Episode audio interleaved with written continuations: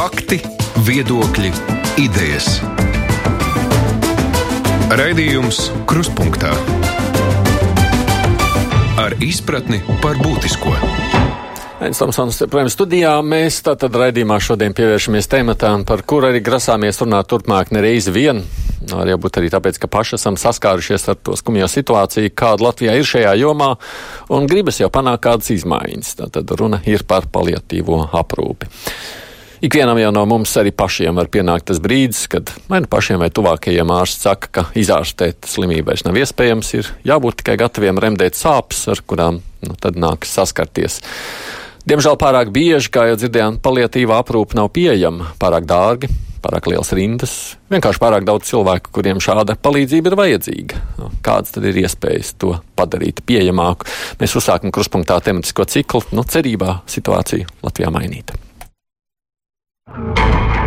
Izmisuma zonā - paliatīvā medicīna Latvijā. Pēta un risina raidījums Krustpunktā.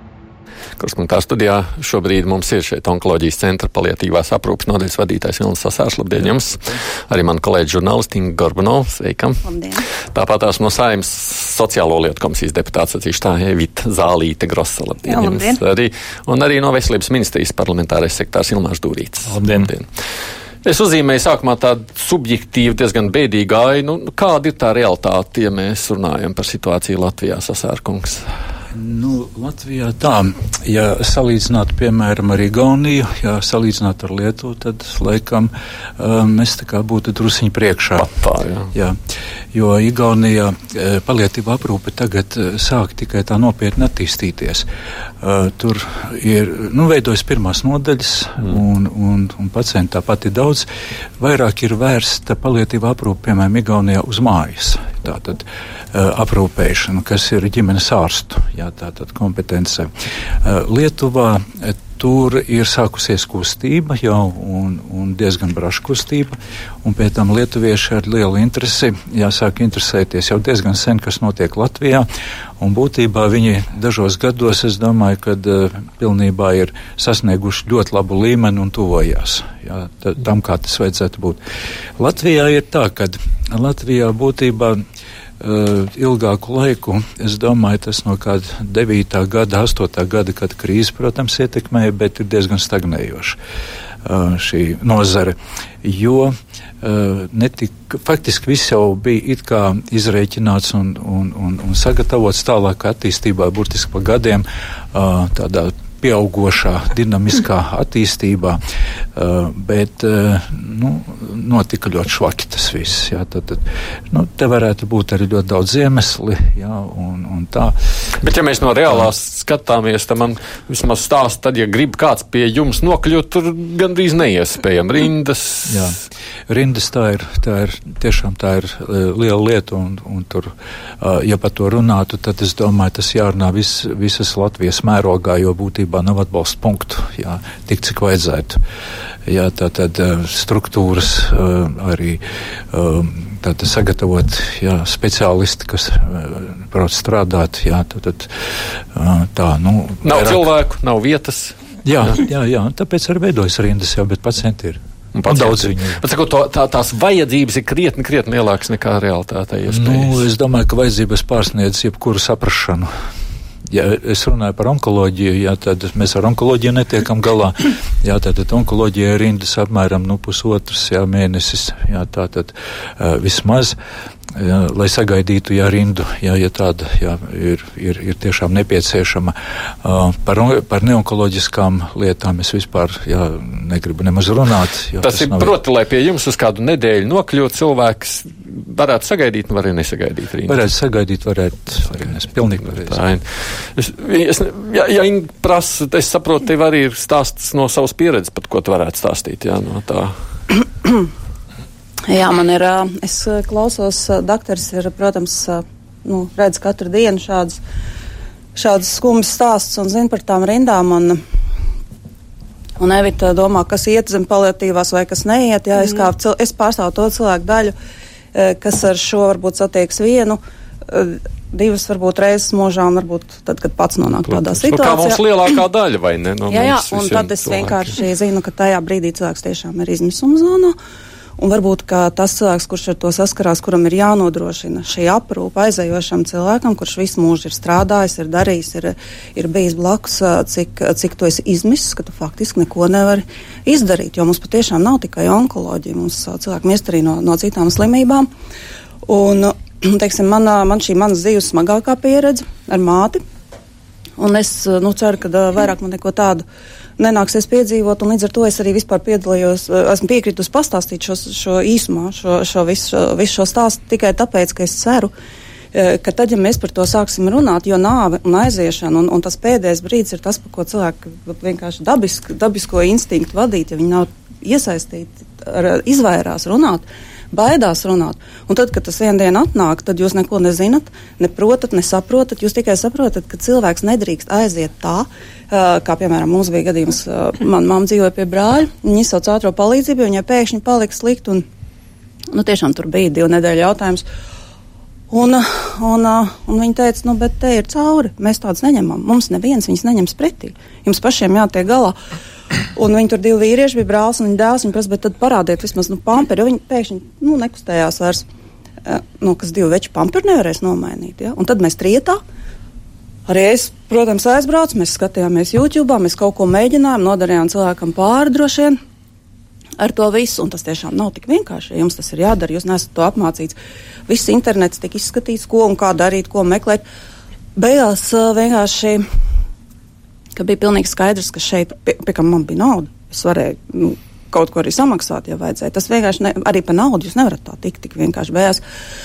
Mums uh, vienkārši paveicās, mēs uh, izmantojot iz- visas iespējamos sakarus, ielikām mammu uz divām nedēļām vienā, vienā pansionātā, kur viņa tomēr dabūja cilvēku cienīgu apkopšanu, medikamentus un vēl kaut ko. Jo, jo man liekas, ka visstrakākais ir tas, ja jūsu acu priekšā aiziet cilvēks, ja jūs saprotat, ka viņš nomira, bet viņš vēl ir dzīves. Un jūs nezināt, kā viņam palīdzēt. Un med, mediķi vienkārši ar ģimenes at, at, atnāca un teica, nu, te neko nevar darīt. Varbūt nedodiet tos medikamentus, ko viņi visu laiku dzēra, jo no tā viņai rodās tūs. Un viss. Un jūs paliekat mājās ar to cilvēku. Jūs saprotat, ka jūs mūžu, varbūt jūs esat audzis tāpēc, lai, lai kaut ko, nu, lai viņi vismaz varētu cienījami pamest šo pasauli. Jūs neko nevarat izdarīt. Neko, ja? Man liekas, ka, ka par to ir jārunā, tas ir jādara, tas ir jārisina valstiskā līmenī. Tur ir divi, divi manuprāt, divi. Viens ir, viens ir sistēma, kā tas pie mums kā uz to skatās, jo, jo, jo principā cilvēks tā ļoti iedziļinās tajā tikai tā, ka viņš nonāk ar to saskarē, un otrs ir tomēr arī attieksme. Jo es esmu dzirdējis arī citas stāstus, ka, ka, kad arī medicīniskais personāls tomēr kaut kā pār, nu, pārkāp kaut kur aizved, kaut ko izoperē pa 90 gadīgiem cilvēkiem, un tas cilvēks vēl, vēl tā kā dzīvo. Nu, es Nu tā. klausoties jūsos, dzirdu šeit četras, piecas lietas, kas ir būtībā tādas vissāpīgākais. Tas pirmais ir jautājums, ka tu vispār nesaproti, ko darīt, nezini. Tas otrs jautājums ir, nu, tas ir jautājums par naudu. Nu, nav katram tās naudas. Mēs dzirdējām arī iepriekš ierakstā, nu, tas ir vismaz 8000 mēnesī, kurā tev jārēķinās, kurš nav tiem cilvēkiem. Tas ir otrs. Tas trešais ir par attieksmi, bet nu, tā ir tāda subjektīva lieta, kurā mēs. Nu, tur mēs varam tikai apelēt, tur mēs neko nevaram. Ceturtais ārstu nav, ja? piektais vieta vispār nav, gultas nav. Tur pat, ja tev ir nauda, tu neko nevar aizvest. vai Ne? Un tas kopumā ir ļoti sarežģīta situācija. Jūs pārstāvat tagad atbildīgos, kuri var kaut ko lietas labā darīt. Saprotu, nesen sākuši darbu, kādi tikai no jums, jā, bet nu, vienalga. Ko jūs redzat, kas ir iespējams vispār darāms? Jā. Nu, vienalga, sāk- ar ministriju sāksim. Labi, jā, paldies. Paldies vispirms par uzaicinājumu. Paldies, ka jūs šo jautājumu tiešām arī um, paceļat um, augstā līmenī. Es gribētu teikt, ka uh, pirmkārt tas, ko es sadzirdēju no kolēģiem kas, uh, un, un, un no profesionāļiem, no ārsta, kas, kas šajā jomā strādā, tad uh, viens, protams, ir šis uh, izpratnes un trūkums, un šis izpratnes trūkums ne tikai sabiedrības, bet arī ārstu un profesionāļu varbūt, un medicīnas vidējā medicīnas personāla, teiksim, medicīnas aprūpas personāla vidū. Bet, ja pa konkrētām lietām. Uh, Izpratnes par ko jūs Izpratnes domājat? par to, kas ir pali, kvalitatīva paliatīva aprūpe. Ja? Un bieži vien te mums gan sabiedrībā ir gan visādi aizspriedumi, un viens varbūt tā, nu, tīri cilvēciski, es runāju, nekā varbūt tā, bet, bet kā cilvēks, kas vēro procesus, tad, manuprāt, viena būtiska trūkums, kas vispār ir paliatīva aprūpā, un šādu te pacientu aprūpē, ir šis psiholoģiskais un psihoterapeitiskais un garīgās aprūpas trūkums, jā. Jo, uh, nu, manuprāt, tomēr mēs dzīvojam šajā sabiedrībā, kurā ne visi cilvēki ir gatavi um, saņemt to informāciju un to ziņu, kad um, tā diagnoze nav ārstējama. Un ka faktiski mēs varam ārstēt, bet nevaram izārstēt. Nu, redz, mēs par attieksmi, tas, protams, ir no vienas Jā. puses visvieglāk runāt, jo tur mēs varam tikai apelēt, bet no otras puses es jau saprotu, ka dakteris arī nemaz nezina, ko tālāk darīt. Viņš jau var pieteikt, viņš saka, nu, mēģiniet zvanīt varbūt uz mm. Sosāru kungam, bet Tāpatās viņš zina, ka jā. tur jau nekādas iespējas, jā, laikam, palīdzēt par nebūs. šīm konkrētajām lietām, ja, ja mēs runājam, tad um, varbūt jūs arī lasījāt ziņu. Mēs, ministrija apzinās, ka um, palatīvā aprūpas, um, teiksim, gultu skaits ir nepietiekams valstī, un tāpēc veidojas šīs garās rindas, un ar 1. Apri, aprīli arī palatīvas aprūpas nodaļu atver Rīgas Stradiņa Kliniskā universitātes slimnīca. Ar 1. aprīli? Ar 1. aprīli, jā. Tātad tikko sākus strādāt. Jā, tikko sākus strādāt, un faktiski ar maiju viņi šim, šiem, par šiem pakalpojumiem arī jau varēs saņemt naudu no Nacionāla veselības dienesta, un šim, šim ir paredzēti te jau 900 tūkstoši palētie aprūpe vispār Latvijā. Ja drīkst vienkārši šajā brīdī pārtraucot, cik vietas vispār ir gultas vietas šobrīd, ja runājam sasārkungs jūsu nodaļā? Mums patreiz ir 25 gultas. 25 gultas vietas. Un Stradiņas slimnīcā būs? Es uzreiz nepateikšu par gultas vietas skaitu, bet es teikšu, ka Austrum kliniskā slimnīcā gadā 1000, pēc mūsu datiem 1100 pacienti 18. gadā. Tā apmēram bija plānota 1100, bet ne jau, ne jau tikai Austrum kliniskās universitātes slimnīcas nedz palātu aprūpi. Jā, es zinu, jā. Ar Stradiņas slimnīcā? Stradiņas slimnīcā es uzreiz nepateikšu gultas vietu skaitu. Kaut kas līdzīgs varētu būt. Jāprecizē, bet tā būs speciāli specializēta tiešām multi, multiprofilu tāda paliatīvās aprūpas nodaļa. Un, un nu, patreiz arī faktiski šai Stradiņas slimnīcas komplektē arī vēl darbiniekus, jā, un medicīnas personālu meklē, kas strādā šajā nodaļā, jo jāsaprot arī vēl viens apstākļus, kad šiem cilvēkiem, kas strādā ar paliatīvas aprūpas pacientiem, nu, arī ir psiholoģiski lielāka šī slodze, un tur vienmēr ir grūtāk piesaistīt arī medicīnas personālu. No, tā ir arī specifiski, jā, tā to nevar jebkurš, jā, dakteris, kurš vienkārši ir dakteris. Tur ir kaut kāda apmācība vajadzīga, jā, sākotnēji apmācība būtībā. Ehm, tā tad faktiski ir tā, sākot no studentiem, jā, tas ir 4, no 5, 6 kurs, jā, kad, um, kas ir palietīvā aprūpe pēc būtības, jā, tā tad, uh, kā sistēma, kā viņa darbojās, jā, tā tad, nu, un, un, un, un, un tie pamati jau mums ir tagad, jā, jau vairākus gadus, ja, kad mēs apmācām studentus. Un tad, kad viņi pabeidz, ja, tad tas ir pēcdiploma apmācība, ja, tālāk, kur jau specializējās teiksim, sāpju jomā. Ja, tā, tad, tad tie ir daudzi gadi. Ja, nu, un, protams, lai kļūtu teiksim, par paliatīvās aprūpas speciālistu, ja, tad ir speciāla rezidentūra ja, un ir viena gada apmācība. Ja, tā tad ar, um, ar zinātnisku darbu un eksāmenu. Cik daudz mums vispār ir izgājuši šāda veida mācības? Jums ir kāds priekšstats? Jā, mums tā tad jau divi gadi ir certifikācija. Jā, es tā rēķinu pēc certifikātiem. Jā, divi gadi. Jā, pēc certifikātiem. Nu, tagad mums nu, pat viens, jā, tā tas certificē. Nu, gadā mēs divus varam certificēt, jā. Kopā mums būs tagad, kā, laikam, 12, 13, jā.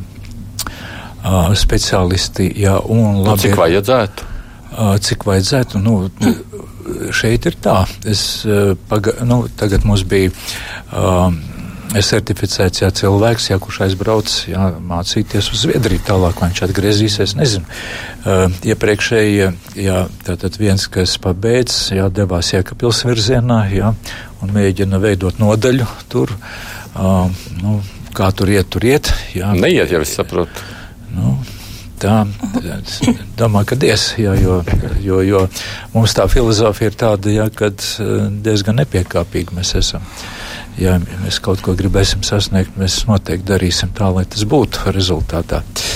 Jā, tā, tā kā ja viņš ir sagatavots, viņš arī grib strādāt šajā vietā. Viņš ir motivēts. Tā ir tā kā faktiski viņa paša liela iniciatīva. Cilvēks, jā, tieši tā. Ziedojies. Tieši tā. Jā, tā ir liela iniciatīva. Uh, varētu strādāt, protams, strādā arī papildus uzņemšanā tur un tā tālāk. Jā, tā tad šis cilvēks, jā, bet, nu, es domāju, ka izveidos. Jā, mm. izveidos. Tā kā ģimenes ārsti tagad mums oktobrī pabeigs faktiski nu, liks eksāmenu tātad kaut kur vasaras vidū. Jā, es domāju, ka tā varētu būt uz to laiku. Jā, dodas skuldīgi. Jā, un tā atziņa ir tāda, jā, ka daudz plašāks jā, tvēriens, jā, un skats ir, jā, kā atsāpināt cilvēks, jo tad bija baili strādāt ar uh, tādiem nopietniem, smagiem medikamentiem, jā, atsāpināšanā, kas vispār ir tendence Latvijā. Skaidrs, es Durīšu kungs jums mazliet pārtrauc par mums šajā stāstā. Nu, jūs teicāt, tā tad nav jau tikai Rīga šobrīd, ir runājot par citām, cik mums ir vispār to vietu. Jā, faktiski mums ir visas reģiona slimnīcas, tātad Daugaupils, Jēkabils, Liepāja, Reizekne, Vidzemes slimnīca un Ziemeļkurzemes reģionāla slimnīca, un, un ļoti nedaudz tur 4% arī piejūras slimnīca, kas Liepājā ir, bet faktiski tātad šīs ir tās vietas, bet vēl otra ļoti svarīga lieta, ko es pateicu, kādas, ko es gribētu pateikt, kas ir izmaiņas šajā gadā, tātad faktiski ap apzinoties to, ka tiešām šis palēties aprūpas pacientu gultu vietas skaits ļoti trūkst un tās rindas ir milzīgas, tad uh, ministrija arī ar šo gadu ir atļaujusi pārējās slimnīcās, kurās ir tā saucamo hroniski slimu pacientu aprūpas gultas, tad viņiem arī šajās vietās sniegt paliatīvu aprūpi. Protams, mēs apzināmies, ka uh, tur iespējams trūkst profesionālu speciālistu. Protams, ka šī aprūpe ja mēs saprotam, ko nozīmē paliatīva aprūpe, tur nevar likt vienlīdzības zīmu ar, ar, ar teiksim, vienkārši hroniski slimu pacientu aprūpi, bet, eh, protams, tas ir arī kaut varbūt nepilnvērtīgs risinājums, bet tomēr risinājums. Gada beigās ir plānots ministrijai izvērtēt šo situāciju, kā tad ir veicies šīm pārējām slimnīcām, kurām ir šīs hronisko, hronisko pacientu aprūpas gults, un tad arī izvērtēt, vai mēs varam šo praksi arī turpināt. Tā kā nu, tas ir patreiz tas ko, ko tā ir. Dara. Klausoties visu, jūs kā deputāti, nu, kas ir tas, ko jūs redzat, kā priekšstāvi tautas, ko jūs varat lietas labā darīt? Jā, nozīmīgi, ka uh, mūsu uh, tēma, uh, šīs dienas tēma, uh, 19. gada 23. janvārī sakrita ar, ar valdības veidošanas dienu. Mums bija uh, sociālā lieta komisijā sēde ar e, klātesošo arī klātbūtni par paliatīvās aprūpas pieejamību Latvijā. Tā bija tā pirmā nopietnā mhm. saruna par to, kur mēs esam šobrīd. Un e, to, ko es dzirdēju, un mans personīgais tas, tā sajūta bija, ka ļoti ilgstoši tā politika tika veidota um, ļoti, ļoti baidoties izlaist palietīvo aprūpu ārpus uh, slimnīcas sienām. Respektīvi, kad iespējams, ka paliatīvo aprūpu drīkst veikt tikai uh, slimnīcās. Un slimnīcās ir tik to resursu, cik viņi ir, un līdz ar to, nu, līdz ar to arī viņi nepietiekami ir un ilgstoši, ilgstoši tas tā ir bijis. Un ta, tagad, 18. gadā es atradu, ka ir beidzot, es nezinu, man prāt, ka tas tikai 18. gadā tā nodefinēts, un es nolasīšu, jo tas ir ļoti svarīgi pie tās jaunās politikas veidošanas, kas tad ir paliatīvā aprūpa un kur slēpjas problēma tā ir daļa no definīcijas, kas ir nu, būtiski. Palietīvā aprūpe ir aktīva, visaptveroša to pacientu aprūpe, kuru izārstēšana vairs nav iespējama un kurā prioritāri ir sāpju un citu simptomu, sociālo, psiholoģisko un garīgo problēmu kontroli, ņemot vērā, ka palietīvā aprūpe savā pieejā ir starpdisciplināra un aptver pacienta ģimeni un apkārtējo sabiedrību. Un šajā definīcijā faktiski ir arī viena, e, tas klupšanas akmens, e, kāpēc mēs arī šobrīd esam izveidojuši darba grupu sociālā lietu un darba lietu komisijā e, par starpdisciplināro, par starpdisciplināro pieeju pie cilvēka palietīvajā aprūpē. Ko tas ja nozīmē? Tur sakrīt, tas vārds, tur sakrīt jā, tā tad sakrīt gan veselības ministrijas, tad medicīna, labklājība, arī vēl redziet garīgā aprūpe, un, un ja šī visa nav, respektīvi, ja nav medicīna, sociālās lietas, kas ir horizontāli, nav tā vertikāla, kas ir garīgā aprūpe, cilvēks nevar ar cieņu pilnu, ar, ar, ar pašcieņu mm, nodzīvot to laiku, ko Dievs viņam šai saulē ir atvēlējis. Un, manuprāt, tas jau, ka mēs esam nodefinējuši sākumā jau, kas tad ir tā paliatīvā aprūpa, dod uzdevumus, ko jādara tālāk. Un, un viens, viena tēma, ko mēs šajā 23. janvāra sēdē sākām runāt, un es nezinu, vai mēs šodien paspēsim, tātad ir par tādu um, pakalpojumu kā hospice ap. Jā. Iezīmēt man to, jā, jā. jā visvieglāk būs, ja jūs iezīmētu, nu, jā. kādu jūs redzat tā vīzija, kas pēc dažiem, nu, nu nezinu Jā, pēc kaut gadiem, gadiem. kādu laiku. Ziniet, kādu, viena, viena vīzija jau eksistē patiesībā, un tā ir bērnu paliatīvās aprūpas sistēma, kāda šobrīd Latvijā ir. Un patiešām viņi strādā tā, kā gribētos, lai strādātu pieaugušo paliatīvā aprūpa, bet tā, tā problēma ir, ka pieaugušo ir ļoti daudz un bērnu salīdzinoši maz. Bet tā tad viņiem, e, man ir vesela grāmatas ciemojošie bērnu paliatīvās aprūpas biedrībā, tā nav e, nodaļa, jo bērni neguļ nodaļās. Viņi tiek e, aprūpēti mājās, viņi tiek aprūpēti ambulatori. Un tā mana nākotnes vīzija ir, eh, un es domāju, ka ne tikai man, bet arī veselības eh, ministrijas vīzija, jo es redzu to pēc šīs definīcijas, ka nākotnē ir vairāki līmeņi. Tā tad ir viens līmenis, kas ir mājas aprūpe, eh, kur kāda mobila brigāda vai ģimenes ārsts vai, vai pie ģimenes ārsta ir tāda šāda tāda. Šobrīd brigāda. jau, teiksim tā uzreiz, šobrīd mājas aprūpe ir.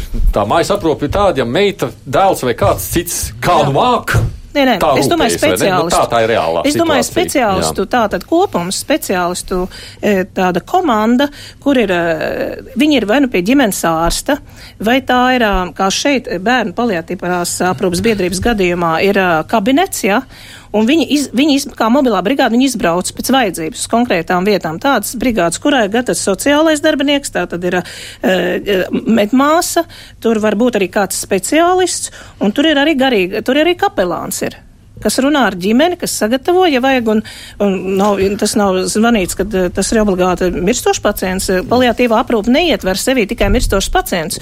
Un tas arī viena ļoti svarīga ziņa, eh, ko mums eh, arī šajā 23. janvāra sēdē lūdza nodot doktora Keiša. Lūdzu, lūdzu, lūdzu, mainiet šo stereotipu arī, arī mēdī par to, kas ir paliatīvā aprūpe. Labi. Tā nav tikai mirstoša cilvēka aprūpe, tā var būt uh, hroniska slimība, kas ilgst gadiem, un šai dzīvē ir jābūt. Uh, kā teikt, kvalitatīvai. Viena lieta tam... par šīm te, ja es drīkst patraukšu, Jā. lai mēs arī iet uz priekšu. Vienu lietu mēs, es atceros gadus diskusijas pirms, nu, jau vairākiem gadiem, kad mēs par šādām mobilām brigādēm runājām. Un hospiciem arī starpcīt. Uh, nekas no tā nav noticis. Ko jūs pārējie sakāt? Jo šis ir tas, tas pirmais līmenis, ko es varētu piekrist, ka viena daļa jau ir īpaši tie cilvēki, kas ir slimi. Viņi jau grib būt mājās, vai ne? Viņi jau labprātāk, ja vien ir iespējas, ja viņš labāk mājās to aprūpi saņem. Jā, protams. E, stacionārs ir vajadzīgs vai nodeļa ir vajadzīga tad, ja, piemēram, mājas apstākļos netiek galā um, ar situāciju. Un tāda situācija.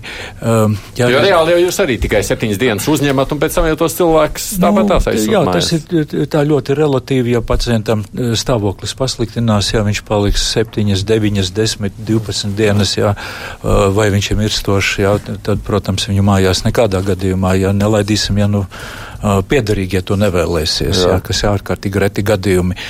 Bet tiklīdz tā tad tiek stabilizēts stāvoklis, jā, un, un, un, un svētki to pierāda, jā, tad būtībā es spēju tikai vien diktēt, jā, izrakstus, jā, bet izrakstiem ir jābūt tādiem, kad ir pilnīgi skaidra programma, ko darīt tālāk mājās, Viena lieta, un otra lieta - obligāti mēs apmācām piedarīgos. Jā, piedarīgos, ko darīt. Jā, ko ir. jūs sakāt par šo savukārt sadaļu, par to, ka vajadzētu nu, kādu speciālistu brigādi, jo piedarīgie nevienmēr var un viss spēj? E, to var darīt tad, kad ir struktūras, jā, kad ir nu. nodaļa. Uh, teiksim, Jēkabeli ir nodaļa jā, Rīgā viena otra, jā, tad um, ir, piemēram, arī tātad kadri, kas to var izdarīt, kas var aizbraukt. Jā. Uh, un, un piedalīties. Nu, visbiežāk jau notiek tā uh, drusiņi savādāk. Uh, patreizējā mm, stāvoklī ir tā, ka ģimenes ārsti ārkārtīgi daudz zvana. Tiešām zvana un prasa, un, un ir situācija konkrēta, ko man darīt. Jā. Tagad nākot uz pārraidi, jā, ļoti sarežģīta situācija. Viss vēders iekaisis, jā, protams, un ieras ir beigts, jā, cilvēkam, jā, ļoti traģiska situācija, jā, kurā vietā, teiksim, tukuma no tukuma varētu griezties uz hemodialīzi, jā, piemēram. Jā. Tādā veidā, jau ko darīt. Ja? Tātad um, griežas tā kā, nu, būtībā tā kā informācijas avota gandrīz, ja, jo mums tā ir faktiski, nu, nav ikdiena, bet ir, ir saprotama šī situācija. Nu, mājas aprūpē jau, ja arī atsūta no simts, piemēram, uh, cilvēkiem ļoti, ļoti sarežģītus, ja tur, kur ģimenes ārsts saka, zini, es īsti netikšu laikam galā, uh, tad stacionēt mums iznāk to apmēram tā kaut kur 40, no augstākais 50%. Procents. Labi, pie tā pagaidām paliekam. Ko vispār saka Inga par šo mājas aprūpu kā pirmo līmeni? Es domāju, tas ir atkarīgs no tā, kādā stāvoklī atrodas cilvēks. šis cilvēks. Jo tad, ja tu cilvēkam, nu, ja tu redzi, ka tur ir galīgi, nu, viņam sāp, viņam viss ir slikti, tu neko nevar izdarīt. Mēs, teiksim, esmu redzējis, tagad, tagad es zinu, kā tas ir. It kā mēs visi centāmies darīt, bet kad tev divu dienu laikā pēkšņi parādās caurums uz kājas cilvēkam, ja, un tad jau, nu, īstenībā tas, ko es gribēju teikt, kāpēc man šķiet, ka, mēs, ka mums ir vienreiz kaut kādā veidā, e, tagad ir visas Jā. iespējas, kaut Jā. kā brīdī ir jāpāriet uz kaut kādu reālu uz kaut kādu reālu rīcību, jo, jo, jo teorētiski jau visi zina, kā būt labāk, kā ir ārzemēs, ir taču visas šīs, šīs prakses un viss. Bet, teiksim, ja es tagad jau pastos mazliet savādāk, man, sapcīt, kas ir interesanti, man mamma bija medicīnas doktora, viņa visu mūžu bija nostrādājusi kā ārste un pasniedzēja studentiem. Un šādi viņai bija jābeidz uh, dzīve. Jā. Man tas liekas tik ļoti neiet viss kopā. Un, un, un tas uh, varbūt uh, tu esi pamanījis Facebookā. Un, Un vēl kaut kur tāda cilvēka sabiedrība pazīstam arī to skaitā ārsti. Saka, varbūt kamēr mēs esam darba spējīgi, kamēr mums ir nauda, sametamies, izveidojam mēs šo vietu, kur kādreiz mums dzīvot, kur mums būs nodrošināta medicīniskā aprūpe, izdarām kaut ko. Jo tad, ja tu esi redzējis, ka cilvēkam ir šādi jāaiziet un ka tu nevari neko palīdzēt, tu sāc domāt, nedod Dievs, ka taviem bērniem vai taviem tuviniekiem būtu jāpiedzīvo tas, ka, jo, jo tu zini, cik ļoti tu gribi palīdzēt, un tu nevari. Ka viņiem būtu jāpiedzīvo šis izmisums un šī bezspēcība, un tad, tad ziniet, tad, tad sāc domāt kā pašam jau, kamēr tu vari viņus no tā, nu tu ne, neviens saviem bērniem to priekšā. Labi, mēs sadalīsim, lai mums iziet struktūrēt. Pabeidzot, jo ats, par mājas šo te aprūpu mobīlajām grupām iespējams jāveido viena atsevišķa diskusija, tikai ko saka veselības ministrija par to pašu ideju kā tādu. Jā. Uh, es, Joprojām par. Es teiktu noteikti, un pilnīgi piekrītu to, ko teica uh, saimnes deputāte. Jo patiesībā uz to palīdzību aprūpu mums jāskatās daudz plašāk Jā. nekā tikai aprūpas stacionāros, jo šie pacienti ir dažādi. Un faktiski, ja vien iespējams, vismaz veselības ministrijas un, un mūsu politika ir tāda, ja vien iespējams, eh, tad šo palīdzību aprūpu kvalitatīvu var nodrošināt ambulatori, tātad mājās. Ja vien es uzsveru, tas ir iespējams. Tas, protams, nebija tas gadījums, varbūt, Jā. ko jūs stāstat. Ja? Tātad patreiz, kā tas notiek, patreiz šie pacienti ir um, ģimenes ārsta uzraudzībā. Un vajadzības gadījumā arī atbilstoši ministra noteikumiem viņi var saņemt uh, šo te aprūpas pakalpojumu arī mājās. Nu, piemēram, tur brūču apkopi vai, piemēram, tur stomas, uh, dažādi, teiksim, procedūras nomaiņas un tā tālāk. Bet, protams, jebkurš cilvēks, manuprāt, kurš ir slims šādā veidā, nu, viņš pats ir ieinteresēts to būt ar saviem tuviniekiem, būt mājīgos apstākļos, nu. mājās. Ja vien, ja vien, protams, to pieļauj viņa veselības stāvoklis. Ja. Nu, Bet nu, tas prasa, protams, veselu sistēmas izveidošanu. Sistēmu un arī izglītību. E, izglītību e, es šo sarunu turpināsim kādā no citiem raidījumiem. Es pierakstīju, ka šī ir viena no lietām, kam mēs varētu veltīt atsevišķu raidījumu. Mums es tiešām saku, pirms pāris gadiem vismaz vairāk ir pagājuši, kad mēs par to mhm. runājām, mm. kā par sistēmu. Tur nekas virzies uz priekšu. Es raidījumu klausījos, pirms nāc pie jums. Atgriezīsimies pie temata varbūt varbūt vēl kādreiz. Ejot savukārt uz priekšu, nu, tā, tā pirmā sistēma, jo pienāk tas brīdis, kad, kā saka Inga, tur vairs mājās ne, vai ne, ir jāatrod kaut kur citur. Starp citu, nu, jūs tur vairākas mēģinājāt vietas sameklēt, kur, kur varētu. Nu, jā, skatījāmies, tas Bikur Holims laikam nebija tajā brīdī, vēl bija biķernieks. Viņš jau bija, varbūt, beidzis savu darbību. Jā, jau bija beidzis savu darbību, jā, jā nu, es, ko zināju, nu, me, meklēju vienkārši, kaut ko cilvēks dara. Pat ja viņam ir, viņš ieliek Google un, un skatās, zvana visiem nu, neviens neko īsti nezina. Ja, ja, tev, ja tev pasaka ātrie šitāds mums neviens neņems pretī, nu, tad pastījāmies to pašu dzinterkrastu, kas bija bišķi. Un arī tur vietu nebija. Kā, un tad, nu, jā, tad vienkārši pabloķēt. Tagad es tavu sacīto par to sametamies un veidojam vienu iestādi. Varbūt pie tā turpinām. Es tikai atgādināšu tiem savukārt klausītājiem, kas vēlāk ieslēguši. Mēs runājam par palietīvu aprūpi. Latvijā tās pieejamību, vai man jāsaka, tagad bieži vien arī nepieejamību. Mums šeit studijā ir Vilnis Sasārs, kurš ir paliatīvās aprūpas nodaļas vadītājs no onkoloģijas centra, man kolēģi žurnālisti Inga Gorbanov no Saimas sociālo lietu komisijas, Evita Zālīta Grosta un arī Ilmārs Dūrīts no Veselības ministrijas. Izmisuma zonā - paliatīvā medicīna Latvijā. Pēta un risina raidījums Krustpunktā. Es turpinu ar vienu vēstulīti, kuras nolasīšu no kādas mums atrakstītas vēstules. Ir tā, savulaik fonds vēlējās iesākt reģionālās palīdzīvās aprūpas nodaļas mm -hmm. izveidi Jēkabils slimnīcā. Mūsu fonda valsts loceklis Sasārkungs arī apmācīja rezidenti, kas būtu ar mieru to darbu uzņemties. Mums bija lielisks iespējas ar Kanādas militāristiem piegādāt darba spēku. Ticu, ka varētu atrast no ziedotājiem materiāls, bet kur viss apstājās? Likumdošanā. Izrādās, ka sabiedriskā labuma organizācija nedrīkst ar likumu Jā. atbalstīt Jā. uzlabojumus slimnīcās, kas ir komercstruktūras, jo viņa lūk tā, no tā varēs pelnīt. Fonds drīkst tikai atbalstīt pacientu, bet nedrīkst tur krāsot sienas, pirkt iekārtas, apmācīt slimnīcas personālu un tam līdzīgi. Vai tas nav absurds? Tā vēstulība mazliet garāk.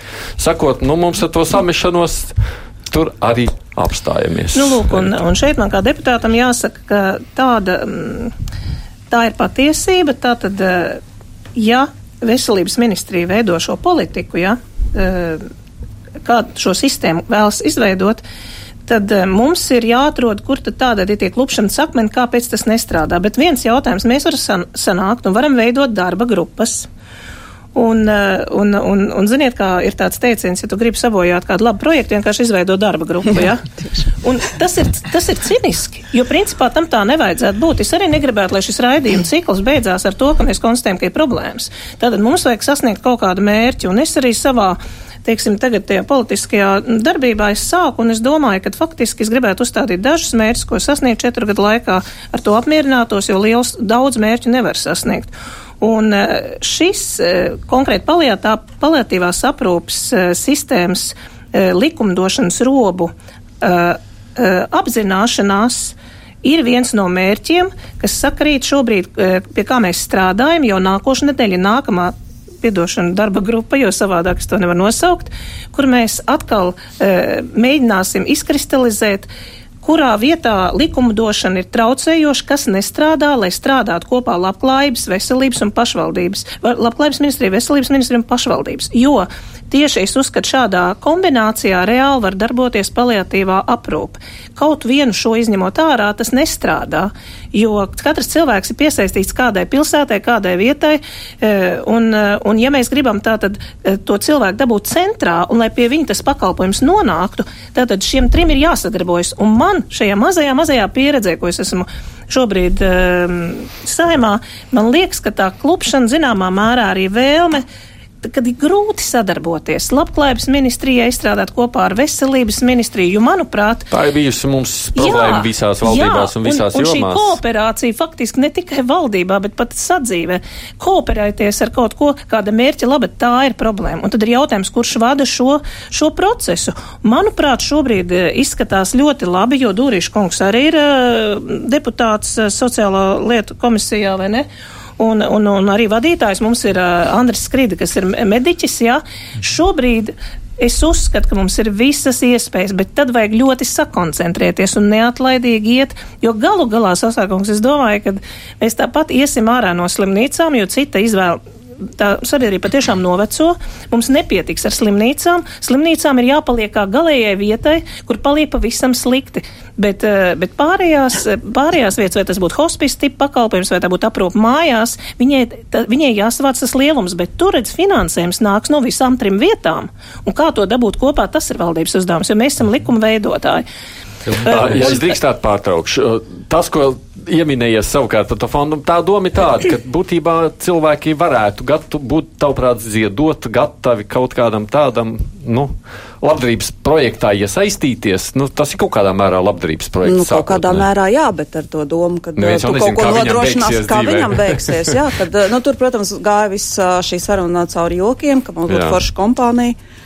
Un kāpēc gan arī, nu, mūža galā nebūtu foršā kompānijā doma biedra un tā, bet, nu, vienkārši, ka, ka ka neviens, kas tiešām saskarās ar, ar šādām te lietām, viņš negribētu pats nonākt tādā situācijā. Un tāpēc, iespējams, ka tā birokrātija citreiz ir tāda, ka cilvēki nesaskarās personīgi. Un, diemžēl tā tas ir. Jo šeit savukārt es ar jums runāju kā cilvēku, kurš zina mācu un arī nu, tā kā rūpējas par nākamajiem ārstiem, jo tur jau ir vajadzīgi cilvēki, kas māk, vienalga vai tā ir slimnīca vai ārpus slimnīcas. Tieši tā. Jo būtībā pilnīgi neatkarīgi, kur tu atrodies, ja mājas aprūpē, ja, ja tu esi speciālists vai uh, Latvijā tu atrodies vai citās zemēs, ja, uh, likumi darbojās pilnīgi vienādi. Ja. Es to sajūtu strādājot ja, savā laikā uh, mācību ciklos kopā ar amerikāņu speciālistiem uh, gan Indijā, gan Ķīnā, gan Āfrikā. Ja. Likumi ir pilnīgi vienādi. Ja, ja tev ir izglītība, uh, tad viss atkarīgs tikai no resursiem. Ja, tātad, uh, un tikai tādā veidā. Ja, tātad, ja aizēju mājas aprūpē, piemēram, aizēju mājas aprūpē, es redzu to pašu slimnieku, es redzu, jā, stacionārā, jā, tikai, protams, man būs uh, cita, cita pieeja, varbūt medikamentos, cita pieeja, varbūt tehnoloģijās un tā tālāk. Jā. Um, un, un, un šeit vēl viena lieta, kas ir jānodala, te nevar tā pateikt, jā, tur, teiksim, hospis un tā tālāk. Uh, nekas nesanāks, jā, jo ir stabili, jā, ir līmeņi, ir tas mājas, tas primārais līmenis, tad ir sekundārais, kas ir reģionālais jā, līmenis, un terciārais, kas ir vissarežģītākais līmenis, kur nonāk vissarežģītākie. Nu, pie jums būtu jānonāk viss Pie sarežģītākie. mums bet, bet vai nav tā, ka pie jums nonāk dažādi? Jā, protams. Nu, jā. protams Nu, tur jau ir tā vai jā, ne? Bet vēl viena lieta, ja, kas uh, tagad iezīmējās pēdējos vismaz kādus trīs gadus, ja, kad neatliekamā palīdzība, ja, tātad mums rada uh, faktiski akūto pacientu pieplūdumu, ja, kas nobremzē mums visu rindu. Ja, jo šādos gadījumos ārzemēs ir dara tā, ja, kad uh, neatliekamā palīdzība, ja, ja piemēram, cilvēkam vien, vienalga tā var būt onkoloģija, ne onkoloģija, ja viņi dodas, ir pat izveidotas speciālas vienības, ja, vai, teiksim, tā sauc hospis vienības un tā tālāk, vai uh, kur šādus cilvēkus uztver, ja, tad, tad uh, mazina šo akūto stāvokli un tad pārsūt uz attiecīgo līmeni. Jā, tādā veidā. Tagad ir sajūta. Nu, jā, mums, es skaidrs, ka mums ir vajag revīzija pa visu to sistēmu cauri. Bloks, jā, tātad, jā. ja nāk, es nezinu, kas šodien ienāks. Rītā ir skaidrs, kad ienāks no, no, no gaļas zara, jā, cilvēks guļošs, jā, kādā stāvoklī viņš būs, kāpēc viņš ir jāpārved, kāpēc viņš nevar palikt, pa- teiksim, jā, mm, gaļas zarā un tā tālāk, jā. Nu, Kāpēc? Jebkurš, kurš cer kaut kādā veidā nokļūt jūsu nodaļā, jo tas ir vienīgais, ko viņš šātrumā saprot, ko darīt. Bet vai gadījumā nav uh, liku, likumdevēja labāk zinās, vai nav tas, ka neviena slimnīca vairs netur ilgāk par desmit dienām cilvēku? Un Tas ir arī finanses jautājums noteikti. Viņi, jo, un arī cilvēku resursu jautājums. Vai mēs varam šobrīd vai, vai, vai akumulēt, slimnīcas var akumulēt visu to, to vajadzību.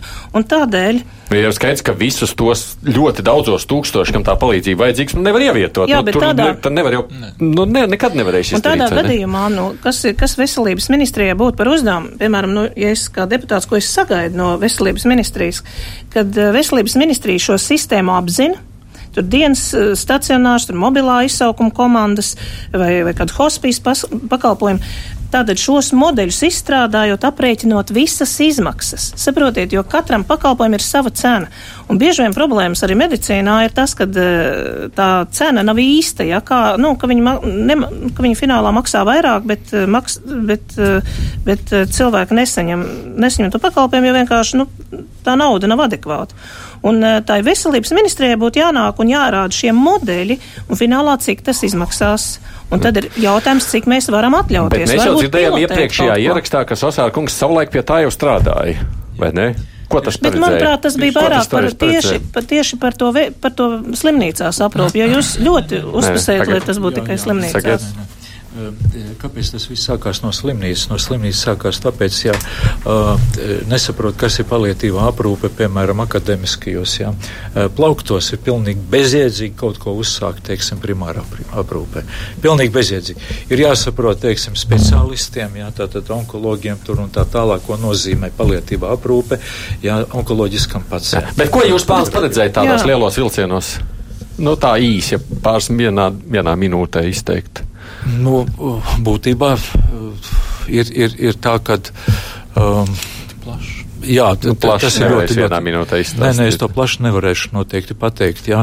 Um, um, Es vienkārši, piemēram, arī studentiem sašaurinu, kas ir pats svarīgākais sāpes onkoloģijā, kas ir visbriesmīgākais. Alpas trūkums ir ļoti briesmīgs, jā, teiksim, un tur ir vajadzīgas speciālās zināšanas, nu tur nevar, jā, tā paņemt un, un kaut ko. Jā. Mums ir laiks tikai mazliet virs desmit minūtēm, tāpēc es gribu iziet tagad cauri tām mazliet sistemātiski, lai mēs saprastu, kas un kā.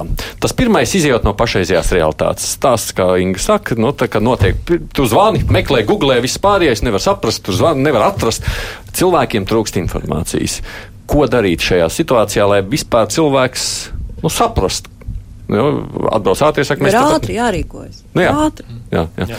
Ir. Kā šajā sistēmā? Jo to taču, man liekas, mēs varētu mēģināt kaut kādā veidā palīdzēt cilvēkiem nonākt pie informācijas. Tas, ko mēs arī dzirdam no tā, tad, tad faktiski cilvēki rīkojās saucot neatliekumu medicīnisko palīdzību, un kā jau Sosāra kungs, un viņi pareizi rīkojās, jo palīdzība jāsniedz.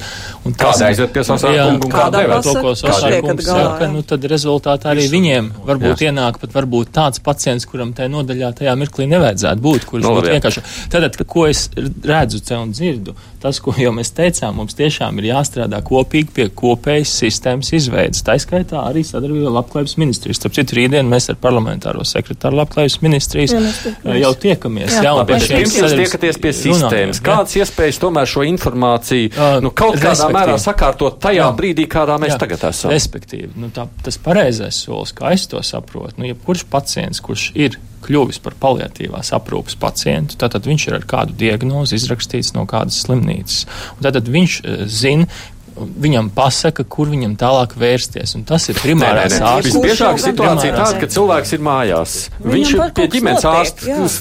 Ārstējs nu pamazām paliek. Lēnāk, nu vienalga, ja tas ir vējs, tad, tad metastāzes sauk un kādā brīdī paliek slikti. Un cilvēks ir mājās. Ģimenes ārsts, neatliekamā palīdzība, nu tas ir viss, ko viņš ātrumā saprot, ko tālāk darīt. Es- Tuvinieki jau ir, ne jau vairs. tā kā, nu, teiksim, likuma veidotājs, bet eh, tā kā nu, privāti personīgi es iedomājos.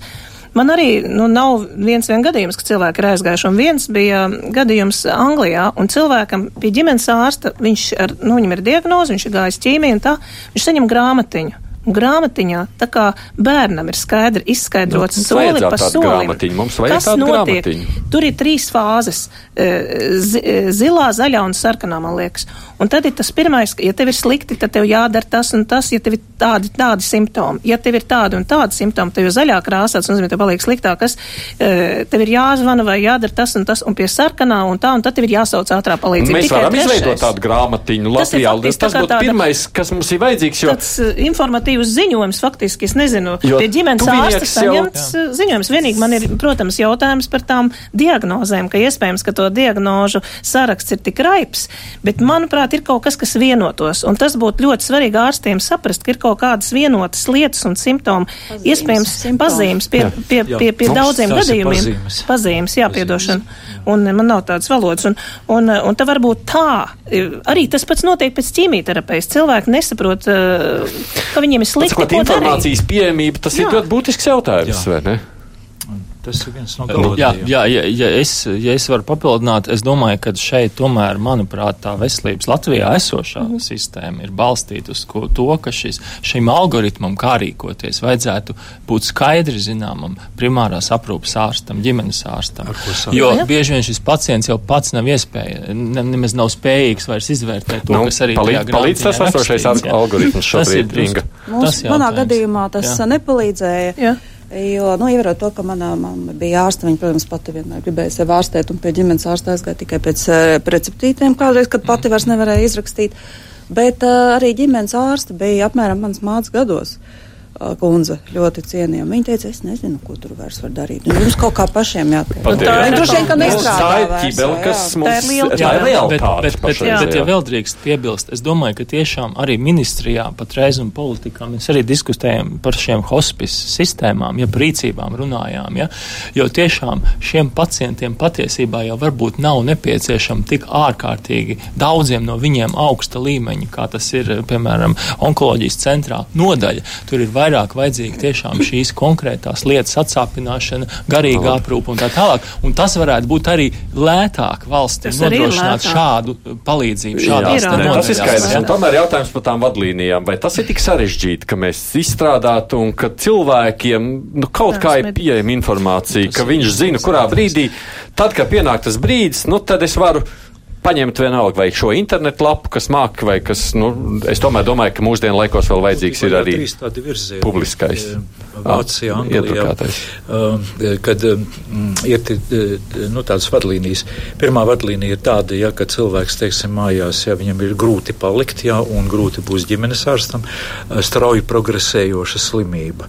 Un, un, un, tā tad tā būtu viena lieta, ja, otra lieta, ja, kad ir izteikti orgānu bojājumi, ja, tur metas tās saknās. Nē, labi, lai arī ko tu rakstīt, man jā, interesē, vai, bet jā. izdarīt to var, vai ne? Nu, tas taču nav nekas sarežģīts sarežģīts. izdarīts, jā, un ļoti vienkāršotā veidā Vācijā, piemēram, un no. to sauc par tiltiņu. Jā, kad būtībā. Vai šis nav vienkāršākais, ātrākais, kā mēs varētu, nu, nezinu, no pirmā lieta, ko izdarīt, lai cilvēkiem ir kaut kāds ceļvedis, kas notiek tādā brīdī?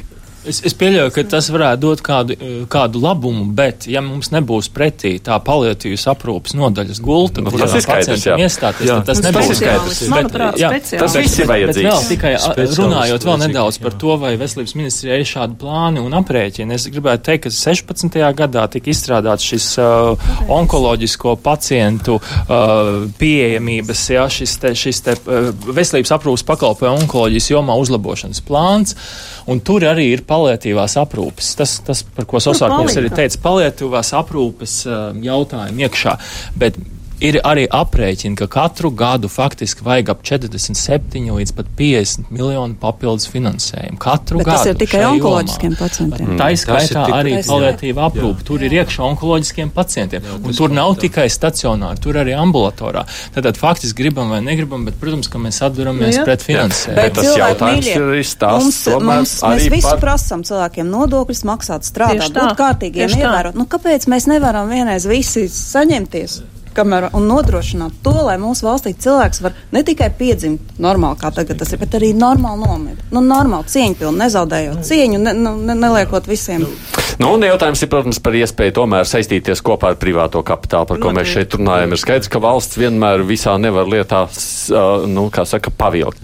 Uh, kas tad ir tas, nu, pieņemsim, mēs taisām nakšo raidījumu par Cik tālu mēs esam gatavi un kurā brīdī kaut ko tālāk iet uz priekšu? Kādos virzienos? Es domāju, ka, ja runājam par normatīviem, ja, Sosārkungs teica, nu, es, es jūtu, ka tā problēma būs tāda, ja kāds gribēs veidot kāds uzņēmējs hospisu, tādu, nu, tādu faktisku uzņēmumu, nu, nu tādu, tādu tā kā nelielu mazu paliatīvās aprūpes tādu centru, ja, tad viņam, viņš netiks cauri tiem, ja viņai būs jābūt kā medicīniskai iestādē, būs tie pat tās pašas prasības un kritēriji, viņš vienkārši nespēs viņus izpildīt. Jautājums, vai mēs neatkāpjamies ne par kapeiku no kādiem kritērijiem, lai varētu, teiksim, vienu šo ne primāro, bet to jūs teicāt, sekundāro, sekundāro, sekundāro aprūpi specializēt. E, specializēt. Vai varbūt, ka tiešām tā problēma ir, ka mēs, pirmkārt, baidamies par visu, un tā ir mūsu tāda kroniska lieta. Baidamies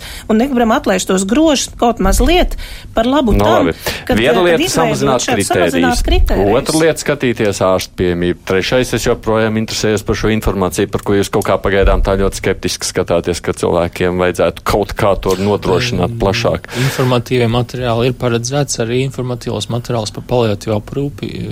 Veselības ministrijā arī paredzēts izstrādāt, un viņi tiek izstrādāti, un tas notiek faktiski arī šajā onkologijā ekoloģiskajā plānā Kad tas ir būs? paredzēts.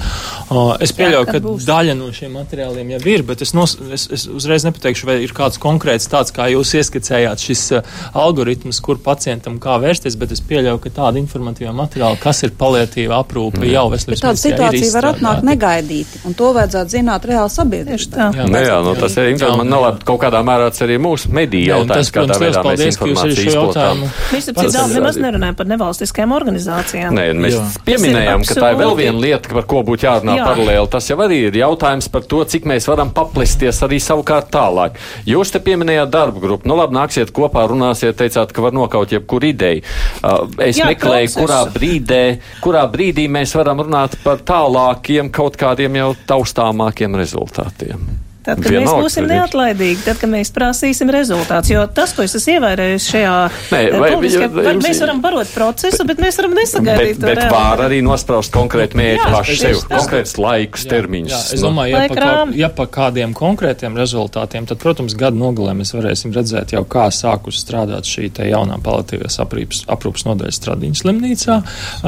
Tad arī, protams, varēs izvērtēt, kā šīs pārējās, kas ir, kas ir pirmā, otrā līmenī, līmeņa slimnīcas, kā viņas eh, tiek galā un kā viņas nodrošina šo paliatīvu aprūpu. Līdz ar to vai tā pieejamība paliatīvai aprūpei nu, palielinās, teiksim, pieejamība palielinās, un, un vai tur ir kāds efekts. Un, protams, trešā lieta, kad es domāju, ka noteikti jā, jācenšas paredzēt un, un jāatrod budžetā finansējums arī uh, tālākajiem, tālākajiem gadiem, arī 20. gada budžetā, jo es nedomāju, ka valsts politiku mēs varam balstīt tikai un vienīgi uz ziedojumiem un uz, uz, uz privāto kapitālu. Jā, jā. Un šeit arī jāņem vēl viens vērā apsvērums, ka privātie, privātie medicīnas iestāžu turētāji īpašnieki, viņi faktiski tomēr tomēr ir ieinteresēti pamatā to pakalpojumu sniegšanā, kas nav sarežģīti un nes diezgan vieglu un ātru.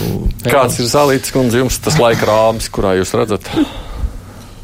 Ne, nu, es, es gribētu tomēr šī, šajā gadā, šajā gadā redzēt uh,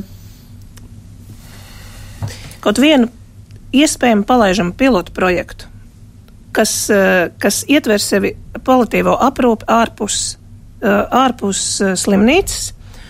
Un Eh, strādājot kopā, nu, nu, es nezinu, kāds būtu, nu, es, es, es gribētu redzēt viņu šajā 19. gadā, ka mēs var, nākošu gadu, pie nākošā gada budžeta varētu tādu atļauties, bet manuprāt, tas ir stāsts arī par, ar, ka mums jāpieaicina pašvaldības, jo mēs nevaram tā atraut skatīties, ka mēs tā kā, val, tas notiks pie pašvaldības noteikti, un šis pašvaldības labklājības un medicīnas un veselības ministrijas darbs, manuprāt, var rezultēties ar vienu pilotu projektu skaidri iezīmētu, cik tas maksā, kur tas būs, varbūt kādā pašvaldībā, mazā pašvaldībā, šī gada laikā. Strād, šī gada laikā tas būtu svarīgi. Saimnes sociālā lieta komisijas deputāte Evita Zalīta Grosa no Veselības ministrijas parlamentārais sektārs Ilmārs Dūrīts bija šeit studijā, arī onkoloģijas centra palietīvās aprūpas nodaļas vadītājs Vilnis Sasārs, man kolēģi žurnālisti Inga Gorbanova. Paldies jums tiešām, ka atnācāt. Mēs, uh, Turpināsim tematam neapšaubām sekot līdzi un runāt arī par pārējiem aspektiem tajā visā. Klausītāji savukārt ir aicināti, varbūt jūs varētu savus rosinājumus, pieredzes stāstus, redzējumu idejas, kā šo sistēmu mainīt, sūtīt mums uz adresi krustpunktēt Latvijas radio LV. Izmantojiet iespēju sūtiet. Producenta tevi Junām studijā bija es, Aidis Tomsons.